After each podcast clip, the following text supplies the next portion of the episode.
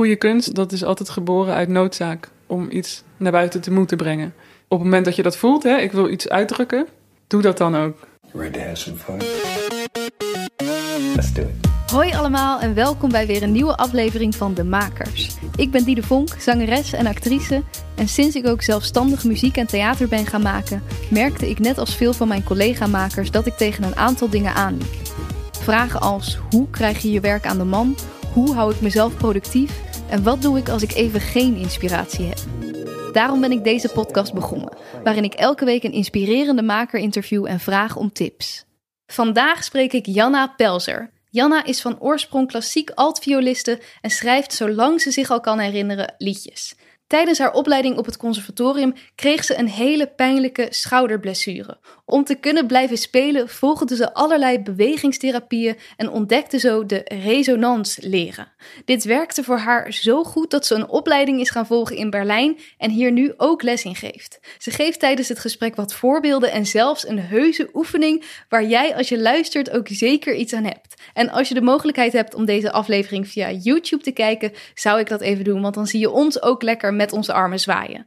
In 2020 besloot Janna haar eigen nummers op te gaan nemen, waarbij ze haar viool veel als tokkelinstrument gebruikt, waarbij ze zingt en ook piano speelt. Ze noemt zichzelf het liefste een songwriter-singer. De tekst is namelijk het belangrijkste. Deze aflevering is weer een samenwerking met Voor de Kunst. Voor het afmixen van haar liedjes heeft Janna een crowdfunding-campagne gedaan en succesvol gehaald. Ze vertelt hoe het proces van een album opnemen verliep en wat het makerstraject van Voor de Kunst haar opleverde. Heel veel luisterplezier, hier is Janna Pelzer. Ik ben Janna Pelzer en ik maak muziek. Mhm. Ik ben eigenlijk van huis uit uh, klassiek geschoold als violiste. Mhm. Maar ik heb altijd mijn eigen liedjes geschreven, gewoon voor de lol. Tijdens je opleiding ook al en daarvoor? Ja, ik zat ook vroeger toen ik 15 was in een uh, schoolbandje. En uh, ja, ik was eigenlijk altijd met verschillende stijlen muziek bezig. En natuurlijk was die studie wel een, een, focus op klassieke muziek. Maar ik heb altijd mijn oren en vooral mijn interesse opengehouden naar allerlei andere uh, stijlen. En dat liedje schrijven is toen een beetje uit de hand gelopen. Uh, en toen corona alles stillegde, kon ik daar ineens wat meer stappen in zetten. En heb ik dus een debuutalbum opgenomen met mijn liedjes. Sommige liedjes had ik al heel lang en andere heb ik toen geschreven. En uh, zodoende. Dus dat ben ik nu eigenlijk voornamelijk aan het maken. Daar zit je nu uh, middenin. Ja, ja tof. Precies. Ja, daar gaan we het zo uh, uitgebreid over hebben. Ik ben nog even benieuwd, waarom, als je zo die hele brede interesse al had, waarom is het klassiek geworden? Nou, ik begon als vijfjarige met viool spelen. En dat is eigenlijk best voor de hand liggend dat je dan, hè, dan ga je op vioolles. En dan, ja, dan word je er goed in. Mhm. En dan ben je 18 en dan ben je klaar met middelbare school. En dan is de vraag van wat ga je studeren? En dan wordt er altijd gekeken naar, of tenminste door je mentor wordt altijd gekeken van... Oké, wat vind je leuk en waar ben je goed in? En dat was dan bij mij echt alleen maar viool spelen of ja? altviool. Ik was toen al overgestapt naar altviool. Was het gelijk duidelijk van het woord muziek? Ja, nou ja, eigenlijk uh, toen ik dat mentorgesprekje had, weet ik nog heel goed dat ik eigenlijk zei van ik wil het niet studeren, want het moet leuk blijven. Het moet, weet je, muziek is voor mij iets wat leuk is en dat moet niet een, een, een, een ja, beroep. Dat is soms ja, ook verplichting. Ja, uh, precies. Ja. Dat, dat moet het niet worden. Dus ik dacht, ja, ik ga wel een taal studeren of zo. Maar ze hebben me toch bedacht. Want ik merkte toch, ja, weet je, muziek is toch het enige eigenlijk waar ik echt uh, helemaal voor kan gaan ja. uh, voor mijn gevoel. Dus waarom ook niet in het diepe springen en zo'n opleiding gaan doen? En vond je dat spannend? Was dat iets wat bij jou van huis uit werd dat aangemoedigd? Of werd er gezegd van nou, ga, ga dat vooral niet doen? Nee, ja, mijn ouders hebben mij nooit gepusht. Mm -hmm. Maar ze hebben me wel ondersteund. Dus toen ik zei van ik wil hier en hier auditie gaan doen, uh, hebben ze dat ook gewoon... Uh, Was dat gewoon helemaal oké? Okay? Ja, zeker. En toen is het Rotterdam geworden? Toch? Ja. Codarts? Ja, Codarts. Uh, daar heb je klassiek gestudeerd. En nou, toen uh, was je op een gegeven moment klaar. En je zei net al, vorig jaar ben je nou, echt begonnen om dat eigen album te maken. De liedjes waren er altijd al, maar er zit denk ik ook nog een hele periode tussen, tussen je opleiding en uh, corona. Wat ben je in die tussentijd gaan doen? Nou, in die tussentijd heb ik een studie gedaan in Berlijn. Mm -hmm. resonansleren heet dat. Dat is bewegingsleer voor muzici. En uh, dat was een driejarige opleiding. Die moet je even uitleggen. Ja. Want ik zag dat en ik dacht, wat is dat? Ja, nee, dat is. eh, nou, ik zal even vertellen ook waarom ik dat überhaupt ben gaan doen in eerste instantie. Ja. Want in het derde jaar van mijn consortiumopleiding kreeg ik heel veel last van mijn schouder, mijn linkerschouder. Mhm.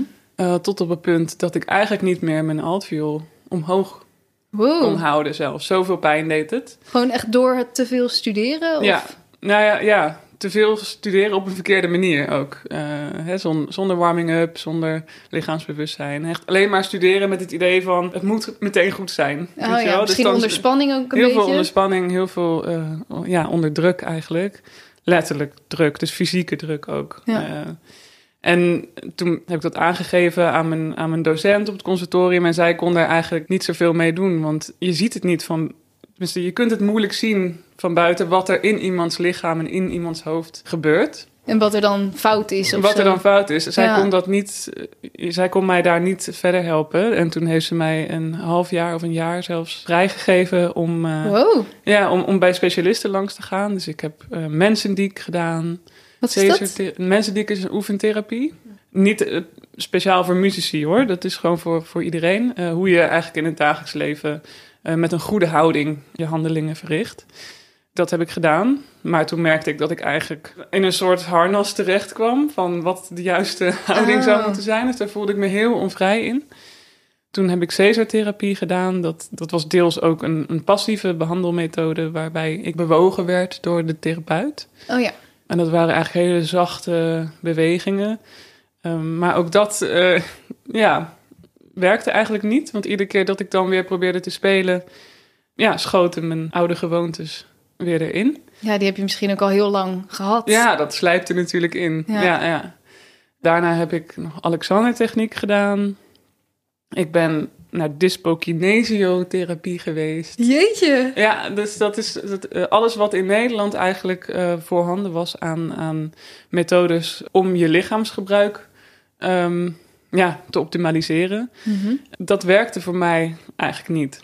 En in die Mm. periode had je ook eh, dus een soort van vrij van school om al die dingen uit te proberen? Ja, daar Ah. kwam het wel op neer. En, en dat was ook eh, de periode waarin ik ook moest beginnen met het schrijven van mijn scriptie. Oké. Eh, en die scriptie ging daar ook over. Dus ik gebruikte mezelf eigenlijk als proefkonijn Ah, om slim. dus al die Ja. methodes uit te proberen en, en, en daar en ze te vergelijken eigenlijk. Mhm. En al die methodes zijn dus eigenlijk bewegingsmethodes, maar niet specifiek voor muzikanten of. eh, Nou ja, ze, ze worden wel ehm, toegepast op muzikanten.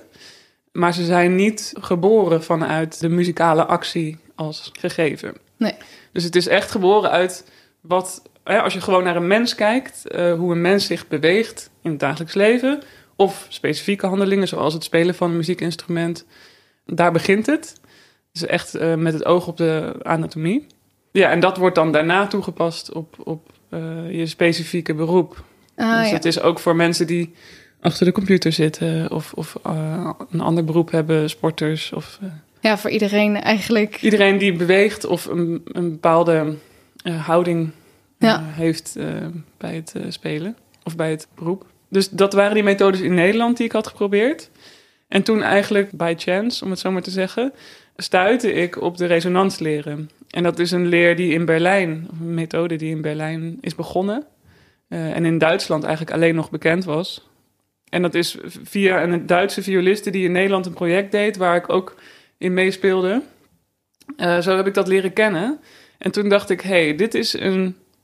ehm, de oefeningen die zij deed, dacht ik van daar zit iets heel muzikaals in vanaf het begin al. Ja, Iets wat ik niet bij mensen die ik seizotherapie en, en al, al die methodes heb gevoeld. ja, want die re- resonantie, dat zegt het, het woord zegt het natuurlijk al, dat, dat het over muziek gaat. Resonantie. Ja, het gaat over klank eigenlijk. Ja. Ah, ja. Dus dat je je lichaam klankovereenkomstig beweegt. Klankovereenkomstig. Ja, Wat- dus, wat- de- nou ja, dus dat je ehm, dat de klank de choreograaf is van je beweging, in plaats van je beweging de choreograaf van je klank is. Dus eh, in plaats van te werken vanuit bijvoorbeeld, eh, ik, ik noem even een voorbeeld, een strijkbeweging. Mhm. Dat je zegt, oké, die moet zus en zus en zo zijn. Want dan komt er een, deze klank uit en die wil je. Gaat het juist ehm, ook wordt het vanuit de andere kant benaderd. Namelijk, je begint met de klank maken. En aan die klank kun je horen wat je eigenlijk met de beweging moet gaan doen. Hoe je die moet bijsturen. Oh, dus je gebruikt de klank eigenlijk als, als eerste informatiebron. het, ik moet het nog even zo eh, voor me zien, want het, het klinkt super mooi. Maar ik denk ook, ja, je moet voor- met je viool gewoon een bepaalde beweging maken, toch? Om Ja. die klank te krijgen. Tuurlijk, Dus ja. hoe, hoe, eh, hoe, hoe benader je dat dan eh, vanuit de andere kant? Nou ja, natuurlijk, dat is een beetje het, het- de vraag van wat was er eerst, eh, de kip of het ei? De klank of de beweging? Ja, ja, precies. eigenlijk wel. natuurlijk eh, hè, moet je ergens beginnen. Dus er is inderdaad, ehm, kijk, als je die, je stok niet op je snaar zet, dan krijg je geen vioolklank. Nee, nee. Eh, maar er is natuurlijk wel sowieso beweging is luchtverplaatsing. Dus ook als ik nog niet op de snaar ben Mhm. met de stok, ben ik lucht in trilling aan het zetten Ja, met mijn beweging. Die trilling kun je niet horen als mens, omdat die, dat het een te lage frequentie is. En hoe sneller de beweging en hoe meer massa er wordt bewogen, hoe meer je het kunt horen. Bijvoorbeeld met een zweepje. ja. Als je daar heel langzaam mee beweegt, dan hoor je het zweepje niet. Nee. Maar als je heel snel, dan hoor je precies. Dan hoor je... Dus, maar vanuit die wetenschap, dus dat je sowieso lucht aan het verplaatsen bent, Mhm. kun je eigenlijk je bewegingen al horen. Zonder dat er een, een duidelijke klank is, natuurlijk. Ja, En het mooie is om dat met elkaar te verbinden. Dus de, de, de bewegingsklank, als het ware, van het bewegen door lucht heen. Mhm. Ja, dus het, het luchtverplaatsingsklank, of hoe je het ook eh, wil zeggen. Dat verbinden met wanneer je de snaar ook daadwerkelijk aanstrijkt. Oh, interessant. Ja, en dan ga je er op een hele andere manier ook van spelen. Dan wanneer je meer functioneel denkt. Zo van, oké, het lichaam beweegt op deze manier optimaal. En dan moet die klank dan maar kloppen die erbij, die daar dan uitkomt. Ja, precies. Dus in plaats van ook, eh, ik moet nu deze toonladder eh, spelen. Hoe beweegt mijn lichaam dat die klanken eruit komen? Ja. Of zeg ik het niet goed? Ja. het, het is wel heel genu- genuanceerd. Dus, eh, ja, snap ik. Ehm, Ja, ik sla het weer helemaal plat. Nou ja, het, het is niet zo heel eenvoudig eh, ook in woorden eigenlijk uit te leggen. Want het is echt een, een, een ervaringsleer, zoals dat heet. Dus Ja. je moet het eigenlijk voelen Mhm. en horen. En dan snap je eigenlijk meteen wat het verschil is. Dus toen ik dat dus ook voor het eerst daar, daar een workshop in volgde, dacht ik ook meteen van wow. Ja, dat was gelijk duidelijk. Dat was gelijk duidelijk. Want het, het, het grappige is dat ik eigenlijk met, de, met hetzelfde probleem, van, hè, dat ik een blessure had en, en gewoon überhaupt mijn hele fysieke benadering in het spel gewoon niet echt ontspannen was. Het was niet, er was geen ruimte in het lichaam. Mhm. Ik kwam iedere keer met dat vraagstuk bij iedere therapeut. Ja, En bij de resonansleren was het eigenlijk voor het eerst dat ik meteen een oefening kreeg, waardoor mijn klank ineens zoveel rijker werd in resonantie en, en zo, zoveel meer boventonen, ondertonen kreeg. oh. En ik me ook zoveel organischer en natuurlijker voelde, Mhm. dat ik dacht, ja, wat ben ik eigenlijk met die andere methodes dan nog aan het doen? Want eh, moet ik het dan voor, zo voorstellen dat je die, eh, die, die leer echt eh, leert met je instrument in de hand, zeg maar? Eh, Ja, dus de eerste sessie die je doet is, hè, dan speel je al. mhm. En dan krijg je vaak wat oefeningen. Natuurlijk, bij iedereen is het anders, hè, die, die, die les neemt. Iedereen heeft iets anders nodig, ook op een bepaald moment. Maar bij mij was het inderdaad meteen met het instrument erbij. En tussendoor ook oefeningen zonder instrument. Om de bewegingskwaliteit eh, van die leer ook aan te leren. En zijn dat dan nu oefeningen die jij bijvoorbeeld nog elke dag doet? Of zit dat echt in je lichaam? Of... Nou, een heel groot deel is verlichamelijkt. Ja, Maar het lichaam is een leersysteem. En het heeft. Kijk, ik heb mijn hele jeugd tot aan. Ja, laten we zeggen, tot mijn 22e. Op een bepaalde manier bewogen. Dus dat zit Mhm. er zo ingesleten dat die oude gewoontes die blijven terugkomen. Dus wat ik eigenlijk iedere dag doe, is die oefeningen. Om de oude gewoontes zoveel mogelijk weg te, Precies. ruimte. En er voor, voor in de plaats iets gunstigers. Iets, iets wat beter weer- werkt. Ja. En die zijn dus heel persoonlijk voor jou. En ik, ik ben even benieuwd, is er een bepaalde oefening of beweging die eh, instrumentalisten of gewoon überhaupt makers, mensen, die je kan geven, die mensen thuis zelf kunnen doen? Eh, ja, zeker. Leuk. Ja, en ik wil nog wel even zeggen, het zijn niet oefeningen die speciaal voor mij zijn gemaakt. Dus het is Eh, de oefeningen van de resonans leren, dat is, dat is echt een reeks Oh ja. ehm, oefeningen die voor ieder lichaam werken in principe. Want kijk, iedereen is anders, maar iedereen heeft wel gewoon, tenminste, heel veel mensen hebben twee benen, twee armen Ja. en een hoofd. ja, dat is waar. En Ja. dus eh, dat, ehm, die oefenreeks, Mhm. die is eigenlijk voor iedereen hetzelfde. Ook eh, ongeacht welk instrument je speelt. Of als je zanger Oh. bent of eh, acteur of, of spreker. Mhm. Maar als je vraagt van één oefening om te doen voor iedereen. Kijk, er zijn heel veel oefeningen en ik geef hier ook les in. Ik ben een coach hierin. En, en mensen komen bij mij ehm, die hun spel of hun uitvoering willen optimaliseren. En waar ik eigenlijk altijd mee begin, is standaard balansoefening. Oké. Eh, en dat in het staan. Als het Mhm. een muzikus is die staan speelt. En in het zitten als het iemand is die zit. Bijvoorbeeld drummers, harpisten, Ja. pianisten. Die, daar werk ik meestal meer in het zitten mee. Mhm. Als ik één voorbeeld moet geven, kan ik bijvoorbeeld... eh, kijk, normaal begin ik hier niet mee. maar- eh, Maar ik doe even een armoefening Ja. voor. Normaal begin ik met het hele lichaam. eh, Met die vanuit balans. het, precies, met Ja. de balansoefeningen. Maar als ik even skip naar de arm toe, want er is een bepaal- bepaalde volgorde namelijk, Ja. dan, kijk, in de resonansleren gaat het erom dat je beweegt volgens de zwaartepunten van Mhm. de gewichten in je lichaam. En als je arm als gewicht, zeg maar, het gewicht wat dominant beweegt, Ja. nu beweegt mijn armgewicht dominant. Ja, voor de luisteraar, je, je zwaait nu eh, met, met je arm. Ik zwaai nu met mijn arm en dat betekent dat dus het initiatief van de beweging zit in mijn arm. Ja. Maar waar in mijn arm? Kijk, Eh. als, ik, als ik jou vraag bijvoorbeeld om, om je arm omhoog te bewegen, gewoon zo. Ja. Vanuit waar doe je dat? Schouder, denk ik? Vanuit je schouder. Ja, er zijn heel veel mensen die inderdaad eigenlijk een overmatige spanning creëren in de schouder om hun hele arm op te tillen. Ja. Terwijl als je gaat kijken naar natuurkunde Mhm. en je gaat kijken naar hoe je een gewicht met de minste moeite kunt bewegen, dan is dat over zijn zwaartepunt. Ja. Dus als je, ik weet niet of je iets van een object hebt, eh, wat ik over het zwaartepunt kan bewegen. Ja, een bezem of zo is altijd wel een goed, goed voorbeeld. Oh, ik heb zie hier even geen... niks. eh, misschien, ja, bezem. ik zie daar een fles wijn. eh. Juist. Kijk. Geen bezem, maar wel wijn. En het is grappig, jij pakt hem nu bij het uiteinde. En dat is heel Ja. zwaar voor jou, toch? Ja, dat is eigenlijk niet heel handig. Precies, dus ik ga hem even... Kijk, als ik deze fles wijn bij het... Hè, bij de, hoe noem je dit stuk? Bij de hals pak. En ik beweeg hem. Mhm. Dan is dit een hele... Best een zwaar object voor Ja. mij. En als ik hem aan de andere kant ga bewegen, is die ook... Ja, als je hem helemaal bij de onderkant pakt, ja. Precies, ja. Dus wat ik eigenlijk moet doen, is op zoek naar het zwaartepunt van Ja. de massa, van het Mhm. gewicht.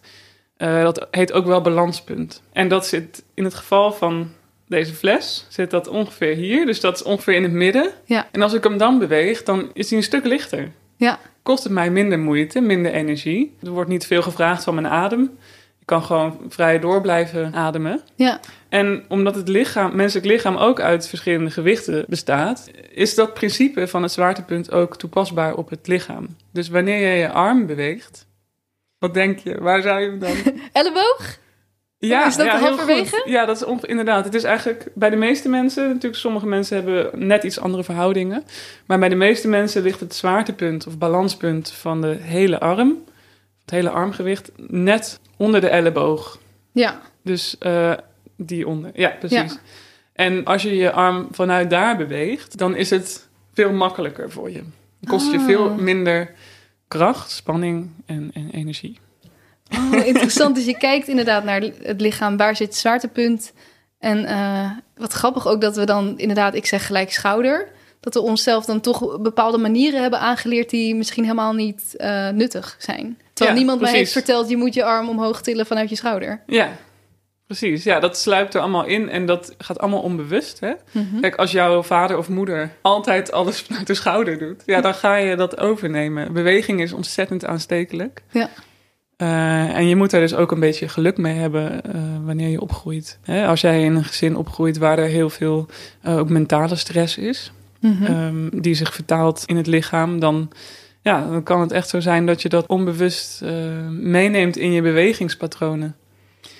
Eh, en eigenlijk wat ik nu iedere dag doe, is, is het, ja, het wegruimen van, van oude patronen en weer intunen in die vrije manier, die lichte manier van bewegen. Ja, en dat, dat doe je dan letterlijk uh, een paar keer je armen omhoog. Uh, ja, ja dat, dat, dat, is dus die oefeningenreeks. Ja.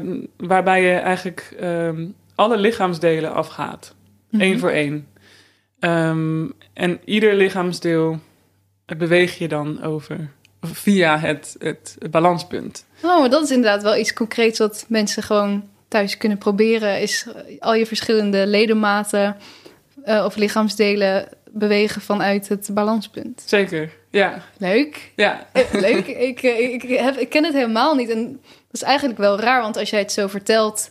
Ja, dat is misschien met veel dingen zo, maar denk ik... ja, dat zou je eigenlijk van jongs af aan moeten leren. Ja. Uh, en dan zou iedereen op, optimaal bewegen en dan zullen die blessures ook veel minder zijn. Ja, nou ja, het, het is eigenlijk zo dat iedereen vanaf de geboorte al optimaal beweegt. Mm -hmm. uh, als je naar jonge kinderen kijkt, die echt jong zijn, dus uh, jonger dan drie jaar. als je die ziet rondbanjeren, dat is allemaal met een bepaalde lichtheid, met een bepaalde er zitten nog geen blokkades of spanningen in, in, in die lijfjes. Mm En ja, vanaf ongeveer een jaar of drie, vier kunnen er al uh, bewegingspatronen van, van de ouders of, of het gezin uh, insluipen. En die, zijn dan, die kunnen dan ongunstig zijn. Dus eigenlijk wat we met de resonans leren doen, is we herontdekken eigenlijk hoe de lichaamsbeweging origineel bedoeld is. Namelijk met het oog op de natuurkunde. Zwaartekracht, gewicht, mhm. balanspunt. Ja. Eigenlijk ja, de, de lichtste en gunstigste manier van bewegen. Klinkt heel logisch, ja. En waarom denk je dat jij bijvoorbeeld wel dan zo'n schouderblessure kreeg eh, en andere violisten misschien in jouw jaar niet? Um, nou ja, iedereen is anders. En ik denk dat ik ook iemand ben die er niet zo goed tegen kan als iets nog niet goed klinkt. Oh ja. Ik wil het eigenlijk meteen goed hebben. Mhm. Dus dan gun je je lijf natuurlijk ook helemaal niet de tijd om überhaupt iets fout te doen. Of, of iets, misschien iets te, een te grove beweging te maken. Of, of een verkeerde beweging die misschien niet helemaal met de muziek te maken heeft. Uh, en als je je lijf dat niet gunt, ja, dan ga je al voorafgaand een bepaalde spanning op jezelf leggen. Een bepaalde onvrijheid. Zo van, mhm. het moet zo. Ja. Ik wil dat het zo klinkt. Ja. Dus mijn lijf moet maar in alle bochten, zich in alle bochten wringen om dat resultaat te krijgen. Ik denk dat heel veel mensen dat doen, topsporters, uh, muzikanten, maar ja, heel ja. veel mensen. Ja, alleen ik denk als sommige mensen wat, wat, wat vergevingsgezinder zijn met zichzelf. Mm En het oké vinden dat als je een bepaalde passage instudeert, dat dat dan ook een uur mag duren en niet zeg maar dat het meteen goed moet zijn. Ja. Dan, hè, die, die mensen hebben over het algemeen een veel gezonder manier van bewegen met hetzelfde resultaat. Dus je hebt eigenlijk een bewegingsleer geleerd, maar je hebt ook een soort mentale aanpassing daardoor gemaakt. Ja, want als ik nu iets moet instuderen, mhm. wat eigenlijk nu mijn insteek is aan het begin, is dat ik het laat gebeuren wat het lichaam doet. En heel vaak is het zo dat wanneer ik die insteek heb, dat het ook meteen goed is eigenlijk. Ja? Dus, ja. Uh, omdat je Kijk, als je muziek wilt spelen, moet je eigenlijk voordat je gaat spelen al een idee hebben van hoe je wilt dat het klinkt, toch? Mhm. Ja. En als dat dan al in je, in je hoofd zit van, nou, dit moet, bijvoorbeeld dit stuk gaat over liefde of het is een warm gevoel, bijvoorbeeld dan gaat je lichaam daar natuurlijk automatisch zich al op instellen. Ja, op dat warme gevoel. Dan ga je niet met een heel, weet ik veel, stijf uh, nee, nee. soort harnas uh, die noot aanstrijken het begin van het stuk. Ja, dus echt dat voor, want dat, dat, herken ik ook wel vanuit het zingen, dat je een soort van klank moet, al moet voorstellen voordat je hem zingt. En dat eigenlijk dan je lichaam heel vaak automatisch al in de goede stand gaat staan. Zeker, ja. Nou ja, dus dat, dat daar... Dat, er gaat heel veel eigenlijk automatisch. Ja. Maar als je dan voorafgaand de, de stress of de druk op jezelf legt dat het ook in één keer goed moet gaan. Mhm. Dat is iets wat, wat je dus in de knel kan doen raken. Ja, was het ook een, uh, ja, kan ik me voorstellen dat het een hele bevrijding moet zijn geweest voor jou als muzikant. Dat je dan ja. Eh, ja weer kon spelen. ja, zeker. Ja, dat, uh, ik was ontzettend blij dat ik weer um, ook met veel plezier kon spelen. Mhm. Want je kunt je natuurlijk voorstellen dat wanneer je een blessure hebt, je bepaalde negatieve uh, connecties in je hoofd gaat maken. Ook met, ja. met het muziek maken überhaupt. En, en ja, wat is muziek eigenlijk? En moet ik er niet gewoon mee stoppen en, en uh, iets anders gaan doen? Um, Maar toen merkte ik dus eigenlijk van, ja, maar volgens mij zou ik ook een blessure krijgen als ik in een koffiebar zou werken. Ah. Omdat het, het is dus echt een, een, eh, iets wat in mij zit, een benadering waarin ik mezelf eigenlijk niet de kans gaf om, Om te leren. om te leren. Fouten ja, te maken. Ja, zeker. Dus Super interessant. ja. ja, Dus nou, dat, dat, nou, levensveranderend. Ja, ja zeker. Ja, en ik, ik, het leuke is dat ik... ehm, ik merk dit heel veel ook bij de cliënten. Dus hè, de mensen die Ja, ik want je coach. geeft er les in. Ja. En iedereen heeft dat in meerdere mindere mate. Ja. En doordat ik zelf hier doorheen ben gegaan... herken ik heel veel bij, bij medemuzici. Mhm. En eigenlijk, als ik heel eerlijk ben... want ik geef ook eh, les aan, soms aan amateurs... Mhm. maar meestal zijn het professionals die op me afkomen... Als ik eerlijk ben, kan ik me eigenlijk minder goed vinden in de amateurs Oké. omdat die, die hebben niet die, die druk die ik ook heb gevoeld. Ja. Eh, Maar hebben zij dan ook minder vaak last van, van die blessures of andere dingen? ehm, Want dat kan dus ook heel bevrijdend werken als je niet die druk voelt. Ja, ja, die hebben weer andere issues. Ja, ja. dat is per Ja. persoon.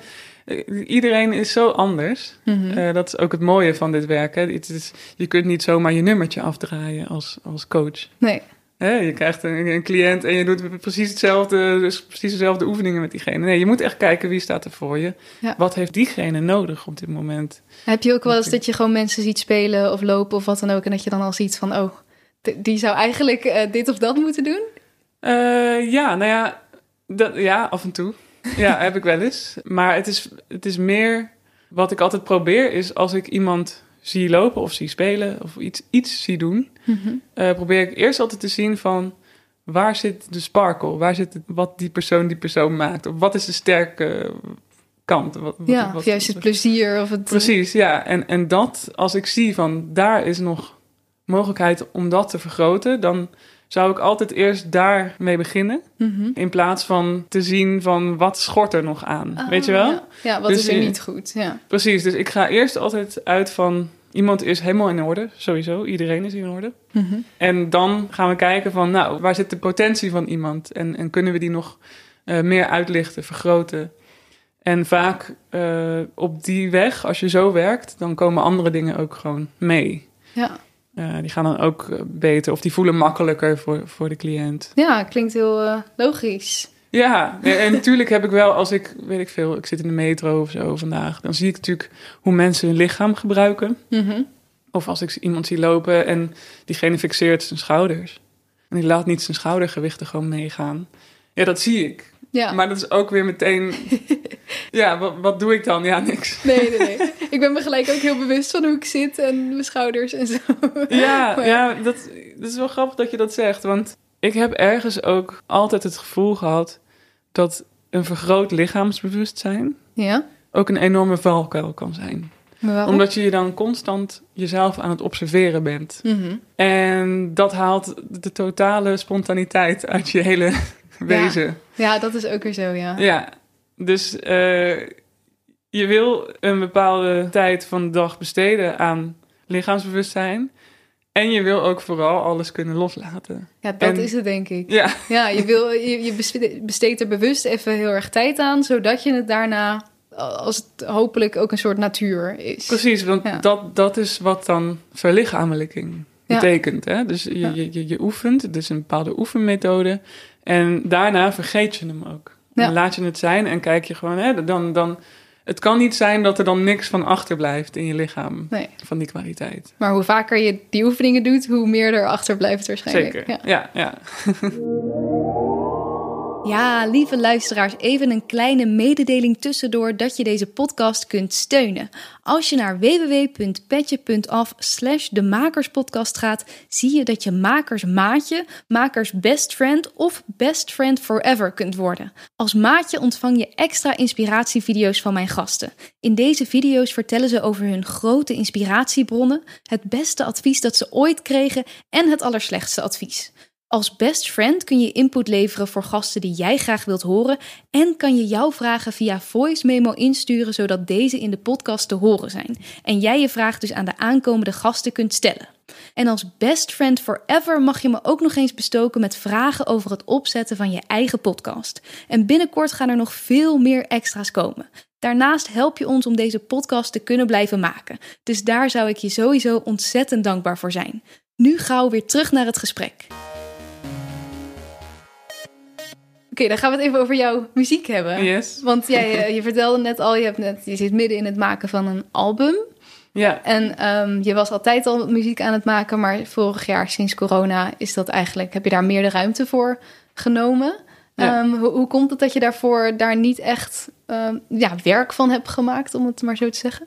Eh, omdat ik altijd eh, in duizend ensembles speelde Mhm. en, en projecten van anderen. Ja, dat Ja. ik daar de energie in stak eh, om daarin mee te doen, wat ik ontzettend leuk vind.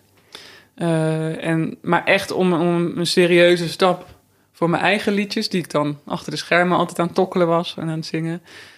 Om die stap te maken, dat, dat, ja, dat vergde dan te veel moeite of tijd Ja. voor mijn gevoel. Misschien goed om even te zeggen, eh, want je bent inderdaad altviolist, maar bij jouw eigen muziek zing je dus ook en tokkel je op je viool, speel je piano, Precies. eh, ja. al- van alles bij elkaar. Ja, precies. Echt een, echt een singer-songwriter eigenlijk. Ja, Of songwriter-singer wil ik eigenlijk zeggen. Want zeg maar, zang is, is wat er bij mij het minst ontwikkeld is. Mhm. Qua, kijk, dat, dat spelen, zowel met de strijkstok als tokkelen en piano, dat heb ik eigenlijk, ja, dat doe ik al zo lang. Mhm. Ehm, dat zit er gewoon goed in. En het, het zingen is wel echt nieuw voor mij, om dat ook echt voor publiek te doen. ja. En ook voor een microfoon in de opnamestudio, dat is echt enorm confronterend. Dus, Vond je het ook spannend om dan die stap te zeggen van nu ga ik even mijn eigen liedjes eh, naar buiten brengen? Ja, dat, dat eh, was spannend, maar tegelijkertijd ook niet. Want het voelde wel echt als een, ehm, dat het moest. Want die liedjes waren... Een paar van die liedjes zijn, die, die zitten al zo lang in mij. Ja, En ik dacht van ja, ze zijn gewoon te goed om dat eigenlijk niet te laten horen aan mensen. Dus ja, waarom doe ik er nou niks mee? ja. Dus het was ook eigenlijk een, ehm, een must. Om, om, moest eruit. ja, het moest er eigenlijk gewoon uit. Ja. Ja, want ik vind dat wel grappig dat je zegt, mijn, mijn stem is dan het minst ontwikkeld of zo. Maar ik vind het ook, ja, mensen die nu luisteren moeten echt ook even, als je gewoon op een dag niks te doen hebt, lekker al jouw Instagram-video's en liedjes doorgaan. ja. Kijk, want het is, ja, ik vind het een hele fijne stijl. En juist jouw stem voelt soort heel ongedwongen en heel natuurlijk. Het is inderdaad, je, je doet niet een trucje of zo, maar dat voelt ook heel erg gewoon vanuit klank. eh, en dat past gewoon zo goed bij je instrument. Dus Ja. ik weet niet welke kant ik hiermee op ging. Nee, Maar- ja, dat is zo fijn om te horen. Ja, Ja. ja. want ik ben ook... Ik heb ook eigenlijk expres geen zangles genomen. Oh ja? Omdat ik bang ben dat bij zangles je bepaalde manieren van zingen gaat aanleren. Mhm. En ik wil het zo puur mogelijk houden. Dus ik wil echt het songwriter, Ja. dus dat als componist, dat dat op één staat. En de zangkwaliteit, oké, ja, dat moet natuurlijk een bepaalde kwaliteit hebben om, Ja. om überhaupt een, een, een boodschap over te brengen. Maar het moet niet in een bepaalde stijl gaan zitten. Dus eigenlijk, het liefst zou ik gewoon praten met teksten, gewoon zeggen, Ja. eh, dan zingen. En waarom doe je dat niet? Ja, misschien voor een volgend project. Ik heb er wel over na zitten denken om eh, inderdaad meer gewoon spoken word. Tof. Ik vind het ook heel mooi Ja, ja, ja. zingen. Dus eh, ik zou het zeker Ja, ook blijven nee, dat, combineren. maar omdat het zo vanuit die tekst is eigenlijk. Ja. Ah. Ja, de teksten die gaan echt over mijn, ja, mijn leven, hoe, ik de wereld eh, ervaar. En eh, wat ik heb meegemaakt ook. Wat zijn dat voor dingen? Ja, bijvoorbeeld, eh, de een liedje gaat echt over ehm, een moment dat ik echt de pure balans voelde. Gewoon in het hele zijn, dus in mijn lijf, maar ook in connectie met het. Gewoon het leven. Gewoon al- alles? Alles, Ja, ja. ja. ja. En dat gaat dus over een bepaalde lichtheid. De ondraaglijke lichtheid van het bestaan eigenlijk. Ik En- dat staan, de ondraaglijke lichten. Dat vind ik altijd zo'n term, die, die denk ik ook gewoon eh, zonder er heel veel over na te denken wordt gebruikt. Ondraaglijke lichtheid. Maar wat is dat dan precies? Maar als jij het zo ja. uitlegt, denk ik, oh. Nou, het grappige is, als ik zo naar mijn leven kijk en dat liedje gaat daar precies over. Ja, waar leef je eigenlijk voor? Is ook voor die momenten dat je je enorm licht voelt en helemaal op je plek. Mhm. Maar er zijn natuurlijk zoveel momenten dat je je niet zo voelt. En zeker bij mij, ik ben eigenlijk best wel zwaarmoedig eh, qua persoon. Ja, ik weet niet hoe je dat zegt. Mhm. Maar ik heb zeg maar, ik ben iemand die wel makkelijker in een down kan komen te zitten dan in een up. dus ik ben eigenlijk altijd constant ook bezig om te, te voelen en, en, en proberen om mezelf ook in een, een, een opwaarts uh, gevoel te krijgen. Maar dus die, die ondraaglijkheid is eigenlijk voor mij, wat dat betekent, is dat wanneer je die lichtheid voelt, dat het eigenlijk zo geweldig is dat het ook weer ondraaglijk goed is. Zo. ook omdat je dan bang bent dat het weer weggaat, of dat niet? Ja, maar kijk, soms is ook gewoon iets te goed. ja. Dat je het gewoon niet kan handelen, weet je. Mooi, ja, ja, zeker. En je bent nu die, die, die liedjes heb je opgenomen. Je hebt net een crowdfunding actie uh, volbracht. Die, ja. Uh, dat, dat, is gelukt. En um, ja, hoe, hoe heb je dat aangepakt? Dat opnemen van dat album. Je bedenkt, oké, ik ga daar werk van maken. Ik ga mijn eigen liedjes uitbrengen. Um, ja, hoe zijn dan die stappen daar naartoe? Uh, nou ja, ik had dus uh, al die liedjes. En toen heb ik een vriend van mij van vroeger. Um, hij heeft sonologie gestudeerd. Uh, en is zelf ook songwriter. En ik vind zijn albums heel mooi. Hem heb ik gecontacteerd en gezegd van... Hij heet Lasse. Mm -hmm. Lasse, ik heb liedjes. Dit zijn ze. Allemaal demo's heb ik opgenomen. Gewoon best wel een beetje knutselwerk was dat. In, in GarageBand, zo'n programma dat standaard op je computer zit. Nou, gewoon even kan, een microfoon. Kan mee, ja. ja. precies. Ja. Gewoon even een microfoon neergezet en een demo's opgenomen. En naar hem toegestuurd en gezegd van... Zou jij met mij dit willen uitbrengen? Zullen we een album maken? samen produceren. Mm -hmm. En uh, hij reageerde heel enthousiast. Hij vond het uh, ja, heel veelbelovend klinken.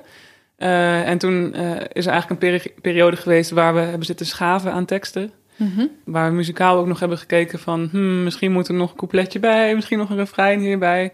Maar op zich, grotendeels waren de nummers eigenlijk al goed genoeg. En toen heb ik nagedacht over de instrumentatie. Van wie, hè, ga ik het alleen zelf mm -hmm. solo doen? Of, of ga ik ook muzici erbij vragen? En ja, heel veel van mijn nummers, om, om de emotie echt over te brengen, daar heb ik gewoon andere muziekinstrumenten voor nodig. Voor mijn gevoel. Dus toen heb ik goede vrienden van mij gevraagd om mee te spelen op het album. Zijn we de studio ingegaan, vier dagen. Hebben we allemaal, uh, ja, we hebben nummers gewoon live gespeeld. En uh, daar de beste takes uitgekozen. Dus echt live ook met elkaar in één keer. Dus je hoort wel eens dat uh, alle instrumenten los opgenomen worden, maar jullie deden het gewoon met elkaar? Ja, precies. Iedereen zat in een andere ruimte. Mm -hmm. Dus uh, mochten er, weet je, want je doet een paar takes per nummer. En uh, mocht er dan iets gebeuren bij in iemand, dan kan je altijd nog oh, je een andere, take. Ja. en ik heb na de hand ook nog een paar overdubs gedaan. Oh, ja. Vooral zang, omdat dat gewoon, ja, dat is zo gevoelig ook in de studio. Om dat dan in één keer goed te doen, dat is, ja. Ja, dan voel je misschien ook de druk van de mensen die dan wachten of... Uh... Ja, ja, ook dat, zeker. Ja, ja um, ik was ook wel heel blij dat Lasse, de producer, er ook bij was mm -hmm. uh, in de studio. Want die, dat is wel iemand die uh, mij dan wel ook meer zelfvertrouwen gaf van, weet je, de stem, nee, klinkt goed. En laten we nog wat zangoefeningen doen, eerst even opwarmen en zo. Wat goed, dus, dus het is echt een goede zet geweest dat je hem eigenlijk vanaf het begin erbij hebt gevraagd. Ja. Had je het ook zeker. in je eentje gedurfd? Of? Ik had het wel gedurfd, zeker. Um, want ik heb wel een hele sterke overtuiging dat wat ik naar buiten breng, dat het heel eerlijk is. Mm -hmm. En dat mensen dat ook voelen. Ja. Maar het is altijd fijn als er iemand is die uh, een goed gevoel geeft. Ja. Uh, ook als je een moment hebt van twijfel. En ik, heb, ik voelde me eigenlijk wel redelijk gestrest ook in de studio. Omdat je toch, je zit met een tijdsdruk. En ja, we hebben gewoon veertien nummers in vier dagen opgenomen. Dus dat is ook oh. gewoon wel heel veel. Uh, eigenlijk te veel voor iemand die dat voor het eerst doet ook. Een les. Een les, zeker. Dat gaan we volgende keer anders aanpakken. Maar uh, ja, dus het is heel fijn dat hij erbij was. En uh, ik merkte ook, op de laatste studio, studiodag moest hij iets eerder weg. En toen dachten we, nou, nemen we nog dat laatste nummer even zonder hem op. En toen merkte ik ook meteen van, oh, ik wist nu echt iets van... Ja. Wow, dit gaat niet zo lekker als, als uh, daarvoor. Oh ja. Dus dat is wel, uh, ja, dat is fijn. En waarom heb je besloten een, uh, een crowdfunding dan op te zetten? Nou, ik had in eerste instantie wat fondsen gekregen. Sena Muziek, Muziekproductiefonds, uh, Amarte Fonds. Oh, wat goed. Dus die ben je voor het maken echt al gaan ja. aanvragen allemaal? Ja, dat, dat had ik al in... Uh, dus eigenlijk toen de coronacrisis begon... begon ik gelijk met aanschrijven van fondsen. Want ik dacht, ik wil dit gewoon gaan doen. Kijken wat er uitrolt. Mm -hmm. Dus toen heb ik een bedrag gekregen. Heb je nog tips voor mensen voor bij het aanschrijven van zo'n fonds? Uh, ja, stuur gewoon goede liedjes mee, goede demo's. Oh, ja. Beschrijf ja. jezelf enthousiast. Mm -hmm. Beschrijf ook dat het voor jou een noodzaak is om dit te doen.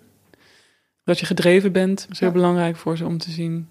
Dat het niet iets vrijblijvends is. Weet je wel, van oh ja, van een album opnemen. Ja, precies. nu toch al de tijd. Leuk. Ja, ja. ja, precies. Dat het echt wel iets fundamenteels is voor je. Ja, en ik heb ook van de Popunie in Rotterdam. Dus als je een Rotterdamse artiest bent, dan kun je ook natuurlijk lokaal gaan kijken. Mhm. ja dat is ook eh, slim. Ja. ja, Ja. precies. Want je stad kan ook wel wat voor je betekenen.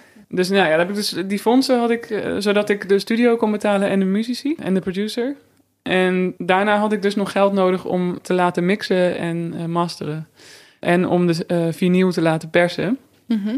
En daar heb ik dus een crowdfunding voor opgezet. En met een hilarische video, video van jou in bikini in de sneeuw. Ja, ja, dat was Zat daar een even- groot idee achter? Nee, helemaal niet. Nee, nee het was, ik, had, ik had een, een LP van eh, mijn favoriete strijkkwartet. Vorige zomer te lang in de zon laten liggen, waardoor die was gaan bobbelen en ik hem niet meer kan afdraaien.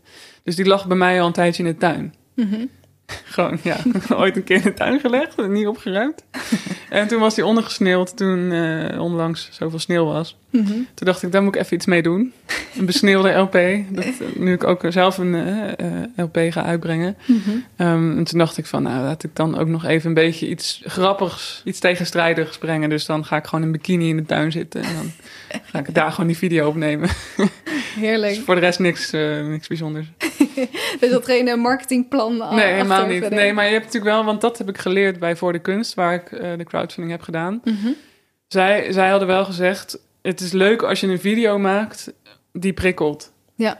Dus dat het niet gewoon jij achter een tafel en vertelt van ik ga een cd opnemen, weet je wel. Ja. Maar dat het wel iets, eh, iets grappigs uh, Dat daar ook iets creatiefs in Ja. zit. Of, ja, Precies. mensen, ja. En wat heb je nog meer geleerd daar? Eh, nou, ik heb geleerd dat het heel erg werkt als je een ambassadeur inschakelt. Wat is dat? Dat is eigenlijk, ja, dat noemen zij zo, ik vind het een beetje een groot woord, maar dat is eigenlijk gewoon iemand die je redelijk goed kent, Mhm. die een ander netwerk heeft dan jij. En het liefst ook een Oh. groter netwerk. Ja. Dus, eh, en diegene vraag jij dan om, om jouw crowdfunding eh, campagne onder de aandacht te brengen in zijn of haar netwerk. Mhm. Eh, en dat heb ik gedaan met twee vriendinnen van mij. Die gewoon ehm, ja, een beetje een ander netwerk hebben. Eentje die komt uit Spanje. En dus via haar heb ik ineens wat mensen die mij helemaal niet kenden. Oh, wat grappig. eh, wat Spaanse mensen hebben. Ook Ja. mijn album besteld. En eh, via mijn beste vriendin eh, hebben wat collega's van haar werk ook wat besteld bij mij. oh, maar dus dus- een ambassadeur, zodat je niet de hele tijd zelf zo degene bent die het van de daken Precies. roept. Ja. Maar dat er ook mensen zijn die dat actief in hun eigen netwerk doen. Ja, Om zo weer, ja, weer een ander publiek aan te spreken. zeker. Daarmee vergroot je dus uiteindelijk je eigen netwerk ook. Oh ja. En gaat de credibility ook omhoog. Hoe vaker iemand anders over jouw project zegt dat het gaaf is, Ja, hoe sneller mensen gaan denken van, oh ja, dat is inderdaad gaaf. Want zij zegt het en zij zegt het ja ook. inderdaad. Dus want ja. je kunt zelf natuurlijk wel tijd zeggen van mijn muziek is super cool. Maar ja, nee, natuurlijk. Ja, als iemand moment- anders dat zegt, heeft het veel meer impact natuurlijk. Zeker, ja. Dus dat Oh, is ja. inderdaad echt een, iets wat ik geleerd heb. Want ik voelde eigenlijk, ik voelde me niet zo goed bij om, om mensen aan te schrijven en persoonlijk te vragen van wil je me steunen? Om hulp Ja, dat is best wel een drempel Ja, voor veel mensen. zeker. Ik heb het wel gedaan natuurlijk bij mensen die, waarvan ik wel dacht van nou die willen dat wel steunen. Mhm. Maar ik voelde toch ook een beetje gêne. Ja, Terwijl dat eigenlijk helemaal niet hoeft. Want ik zie ook, weet je, ik steun zelf ook heel veel crowdfunding Ja, ja. campagnes van, van mensen die ik ken, van collega's van mij. Ik vind dat heel leuk om te doen ook. ja en, En, je vertrouwt in je eigen muziek en wat je wilt maken. Dat, Ja. Maar eh, ja, dus dat voelt toch soms nog een beetje raar om daar dan geld voor te vragen. Nou nee, ik, ik, ik vind wel dat, dat ik geld verdien voor wat Mhm. ik maak. Maar om het dan zo op de man af te vragen, dat, dat is altijd een beetje... Ja, dan is het wel heel duidelijk dat je jezelf aan het verkopen bent. Ja, En ik, ik laat mezelf dan liever verkopen door iemand anders. ja. Uiteindelijk, Ja, ja. ja. zeker. En eh, nu wordt die dan gemixt? Of eh, wanneer komt het uit? Wanneer kunnen we het Ehm, horen? Nou, het mixproces is nu net afgerond. Hij wordt nu gemasterd. Hij is na Pasen, vlak na Pasen, als het goed is, klaar. Ah, dus als Dus, eh, deze aflevering volgende week. uitkomt, is, eh, is dat al? Eh, dan, is die al eh, klaar? Maar de vraag is of het album dan uit zal zijn. Omdat ik nu in overleg ben met iemand, een strateeg. Om te kijken van, nou, wanneer is nou een goede periode om zo'n album, hè, een debuutalbum uit te brengen. Zodat niet het een beetje ongezien Ja, eh, verdwijnt in, in de grote pool van coronakindjes, zeg maar. ja, ja. Oh, dus misschien dat je nog strategisch even wacht. Ja, nou ja, eigenlijk wat vandaag de dag ook eh, strategischer is, is om, blijkt, wist ik ook niet, ehm, singles uit te brengen. Oh ja, Zoveel ja. mogelijk. Dus eh, met tussenposes van een maand of zoiets. ja, dus in plaats van in één keer je hele album, gewoon single voor single. Ja, Ja, dat je een beetje een aanloop creëert en dan breng je het album uit en dan is dat ook nog een toegevoegd event, zeg maar. Ja, dat is eigenlijk wel slim, want je hebt inderdaad dan vaak... We droppen een heel album, maar mensen moeten al die verschillende nummers nog leren kennen. Je kan niet daarna opeens dan nog een single uitbrengen van het album, want die is al Ja. uit, zeg maar. En daarmee, daarmee eh, ja, heb je eigenlijk een kans gemist Mhm. om ook een, een, een aanloop, hè, om meer publiek ook te genereren Ja. naar de release van het hele album toe. Ja. En het is gewoon leuk als mensen af en toe een nieuwe single, weet je wel. Het is heel belangrijk dat mensen nieuwe input krijgen. Mhm. eh, af en toe. Dus Ja. eh, niet, het hoeft niet iedere week of zo, maar... Maar ook wel moeilijk, want dan moet je zo je, je kindjes die, die je eigenlijk al heel, heel lang, heel graag wilde delen met mensen, moet je toch nog even voor je ja, houden dan. dat vind ik ook helemaal niet leuk. maar eh, het troost me wel weer dat de mensen die eh, mijn crowdfunding gesteund hebben... zij krijgen wel meteen Ah, oké. het hele album. Ja, Dus zij hebben eigenlijk ook de primeur... ja. Dat zij de enige dan zijn die het album ook echt luisteren voor een tijd lang. Oh, dat is ook wel. eh, Dan wordt het ook een soort select groepje. Ja, precies. Ja, dat is Ja. ook wel slim misschien juist. Ja, het is ook wel, een- vind ik ook wel weer een mooie geste naar, naar de, de donateurs toe. Ja, en je wil Zo. misschien ook niet nog maanden weer laten wachten. Nee, Terwijl de muziek niet. eigenlijk al af is. Ja. Heb je nog meer van die strateeg geleerd? Nou, ik ga, ik ga nog een sessie krijgen, dus ik hoop meer te leren. Maar dit was, dit was eigenlijk even wat ik tot nu toe weet. Eh, maar ik wil nog... Ja, dus ik heb niet echt meer dingen, maar ehm, wat ik nog wel wil leren is hoe je eigenlijk die stap zet in de muziekindustrie. Moet je bij een label of toch niet? Of alleen een distributeur? Ja. Dat zijn allemaal dingen waar ik zelf weinig van af weet. Mhm. En wat ik eigenlijk gewoon wil is dat zoveel mogelijk mensen mijn muziek luisteren en dat ook mooi vinden. En dat ik kan spelen live. Want dat is natuurlijk. Ja. Dus eigenlijk het, het vinden van een boeker is uiteindelijk, denk ik, het allerbelangrijkste voor mij. Mhm. En of daar dan ook een management bij moet zitten of iets, dat, dat weet ik dan allemaal nog niet. Dat moet ik ook allemaal vragen. En, eh, Ja, maar je neemt wel eh, actief dus, eh, je onderneemt stappen om dus met zo iemand te gaan praten en dat allemaal op te zetten. Ben je ondernemend van, van aard? Eh, nou, ondernemend in de zin dat ik kan helemaal niet stilzitten. Mhm. Dus ik moet altijd wat doen. Maar ik ben niet ondernemend in de zin van dat ik iemand ben die snel mensen durft aan te spreken of die heel erg outgoing is daarmee en, en makkelijk om hulp vraagt. Nee. Maar dat heb ik dus nu, zeg maar, eigenlijk sinds eh, dat ik dit ben be- eh, begonnen, het opnemen van het album en zo, ben ik eh, steeds mezelf com- comfortabeler gaan voelen met het vragen van hulp aan experts. Mhm. En het komt ook naar je toe. Ja? Want ja, weet je, als je bij de Popunie bent aangemeld of bij eh, de Popradar in, in, in Den Haag, zij organiseren ook allemaal sessies, eh, online is dat nu, voor makers van, van weet je, hoe, hoe, hoe kan je ervoor zorgen dat je muziek ook daadwerkelijk gehoord wordt. Dus er zijn ook al, in Nederland allemaal platforms voor. Dus het is ook, je hoeft er eigenlijk alleen nog maar bij aan te haken en dan leer je alweer van alles. Ja, er zijn zoveel plekken waar mensen je gewoon die dingen willen leren. ook. Ja, Ja, precies. Dus het is ook iets wat natuurlijk bij iedereen speelt. ja precies. En dat eh, is ook logisch, want de muziekindustrie is ook een beetje een diffuse industrie over het algemeen. Is niet heel duidelijk van hè, waar, waar, wat moet je nou precies doorlopen Nee. om, om ergens te komen. Nee, het voelt soms heel willekeurig dat de een dan opeens wel overal op de radio wordt gedraaid en de Ja. ander niet. Ja. Ja, precies. Dus ik, het is ook niet zo gek dat er heel veel coachings eh, zijn en zo. Ja, ja fijn. denk Ja, ik. ja. En ehm, zijn er nog dingen bij die, ehm, bij die crowdfunding die onverwacht waren? Zijn bijvoorbeeld eh, geldbedragen uit onverwachte hoeken of zo? Heeft het je nog iets opgeleverd wat je niet had voorzien? Ja, nou ja, bij de, voor de kunst, eh, het team van Voor de Kunst doet ook actief aanvragen bij fondsen. Oh, die doen zij voor jou? Voor jou, maar. ja. Oh. Want ik heb daar dus het makerstraject ook gevolgd. Dus ik Ja. denk dat ik gewoon ook iets meer aandacht kreeg misschien dan iemand die gewoon vanuit zichzelf een crowdfunding daar opzet. Ja, dat is het idee van dat makerstraject ook, geloof ik. Dat, dat je inderdaad ook met die andere makers eh, communiceert, toch? Ja. In dat traject en dat je wat meer aandacht Precies. krijgt. Ja, dus je staat ook misschien wat meer op de radar van voor de kunst zelf, denk ik zo. Mhm. Wat zij dus doen is zij schrijven hun, hun partners, noemen ze dat. Dus dat zijn eh, fondsen en banken ook die ja, jaarlijks een x-bedrag verdeeld over een x-aantal campagnes bij Voor de Kunst eh, meefinancieren. Mhm. En bij mij is bijvoorbeeld VSB-fonds heeft een donatie gedaan. En ook gemeente Rotterdam. Oh, Dus dat vond ik ook weer heel leuk. Dat mijn eigen stad ook weer Precies. in me gelooft. Dus en dat is, eh, zij leuk. doen dan die aanvraag voor je? Ja, dus Oh, hoef je dan niet zelf fijn. te doen. Ja, ja. ja. Ja, want dat- ik, ik, ben, ik ben ook een beetje aanvraagschrijven moe. dat ik, ja, Weer een leuk verhaal over hoe geweldig muziek precies. is. Ja, ja, dus dat was wel echt een, eh, een goede ja, opkikker ook voor, die, voor de crowdfunding. Want het is, ja, ik heb dan 6.500 eh als bedrag had ik. En ik dacht toch van, ja, best wel veel geld. Ja. Ik weet niet of ik dat wel vanuit mijn eigen netwerk kan eh, genereren. Nee. Dus eh, dat was eigenlijk een hele welkome push. Mhm. Dus eh, ja, Fijn. ja.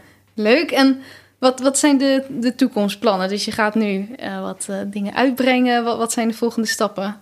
Ja, de volgende stappen. Nou ja, ik hoop gewoon dat we weer snel kunnen gaan spelen. Ja. Ehm, en, en ja, de volgende stap. Ik wil er dus ook investeren in iemand die mij gaat helpen om bij de juiste mensen in de muziekindustrie aan te kloppen. Van, eh, Mhm. Hey, wat voor iemand zou dat dan zijn? Is dat een distributeur of een manager of een... Ja, ik denk toch misschien een boeker die, die vaker met bepaalde ehm, zalen en podia in contact is. Die mij op die manier misschien onder de aandacht kan brengen. Ik denk ik zo. Ik, maar dan moet ik nog checken wie, wie daarvoor geschikt is. Ja, en, en, en ja, mijn bedoeling is echt om met, met de muziek die ik nu heb eh, te gaan optreden. Mensen daar vooral heel blij mee te maken. En voor mij is het heel belangrijk om me constant te blijven ontwikkelen. Dus het zou zomaar kunnen dat ik eh, over een aantal weken alweer aan een tweede album zit. Met een compleet ander, eh, niet eens singer-songwriter, maar iets heel anders. Spoken word is misschien. Spoken word of, of vrije free jazz Oh, dingen. gaaf. Dus ja, ik, ik vind het heel belangrijk, die, die veelzijdigheid, om dat te blijven eh, stimuleren in mezelf ook. Tof. Ehm, we moeten alweer een beetje gaan afronden. Ehm, zijn er nog tot slot eh, tips, dingen die jij hebt geleerd in jouw pad... die je zou willen meegeven aan andere makers? Ja, wees vooral sterk in wat je wil, naar buiten wil brengen. Dus eh, als jij iets voelt en je wil dat naar buiten brengen, dan is dat ook iets wat er mag zijn. Mhm. En niet iets waar je over moet twijfelen. En wat, wat doe je dan als je wel twijfelt? Weet ik niet.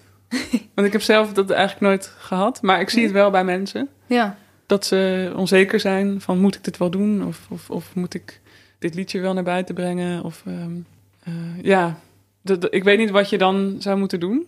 Maar in ieder geval eh, laat je niet zomaar ehm omverkegelen door je eigen gedachtes. ja, die twijfel zit soms misschien ook helemaal niet in... is het wel goed genoeg, maar meer in... wat gaan andere mensen vinden? Of, ja, eh, precies. ja. En ik denk, goede kunst, dat is altijd geboren uit noodzaak om iets naar buiten te moeten brengen. Op het moment dat je dat voelt, hè, ik wil iets uitdrukken, doe dat dan ook.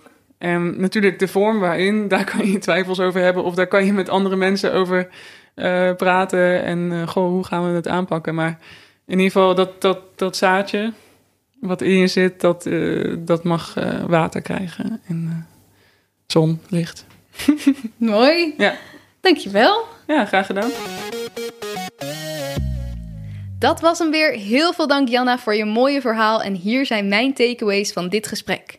1. Denk na over hoe je beweegt. Je lichaam is een tool en een leersysteem. Je hebt tijdens je leven jezelf allemaal dingen aangeleerd, maar werken die wel? Let op je zwaartepunten. 2. Luister naar je lichaam. En voelt er iets niet goed, ga op zoek naar manieren om dit aan te pakken. Janna twijfelde zelfs om te stoppen met vioolspelen omdat ze zoveel pijn en daardoor ook negatieve gevoelens kreeg bij het spelen. Door die resonansleer leerde ze dat haar lichaam spanning vasthield omdat ze zelf de lat te hoog legde en geen fouten durfde te maken.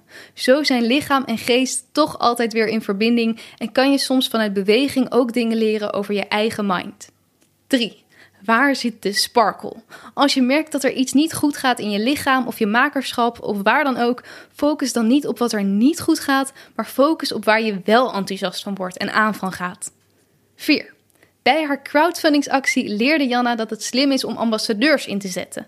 Dit kan je natuurlijk ook gewoon in je dagelijkse makerschap doen. Vraag eens een vriend of vriendin om iets van jouw werk te promoten. Jij kunt wel zeggen dat je iets moois maakt, maar als een ander dit doet, komt het toch vaak nog beter over. 5. Als je nieuwe muziek uitbrengt, werkt het slim om singles uit te brengen in plaats van in één keer een heel album. Zo geef je je fans elke keer een klein beetje en heb je ook nog een lange tijd steeds weer iets nieuws om te delen. 6. Er zijn een hoop instanties en plekken die jou kunnen helpen bij je makerschap. Bijvoorbeeld bij fondsen of bij Voor de Kunst. Je bent niet de eerste maker die iets doormaakt. En er zijn heel veel mensen die jou goed kunnen helpen. 7. De laatste. Kunst wordt geboren uit noodzaak. Dit hoeft niet gelijk een noodzaak te zijn van ik wil de wereld redden, maar als jij voelt dat iets eruit moet, dat je iets wil delen, dan is dat al noodzaak. Dus twijfel niet, geloof erin en breng het naar buiten. Heel erg bedankt voor het luisteren. Als je dit een interessant gesprek vond en je hebt er iets aan gehad, help je ons heel erg door om te delen met iemand of te steunen via petje.af slash de makerspodcast. Tot volgende keer. Vond je dit een leuk gesprek? Abonneer je dan op de podcast en volg de Makerspodcast op Instagram en Facebook. Delen of een recensie achterlaten is super fijn en laat het me vooral weten als er gasten of vragen zijn die je graag terug hoort in de podcast. Volgende keer staat er weer een bijzondere, inspirerende nieuwe aflevering voor je klaar. Deze podcast werd gemaakt door mij, Diede Vonk. De mixage is door Sonja Vos en de muziek is van David Schwartz. Tot volgende keer!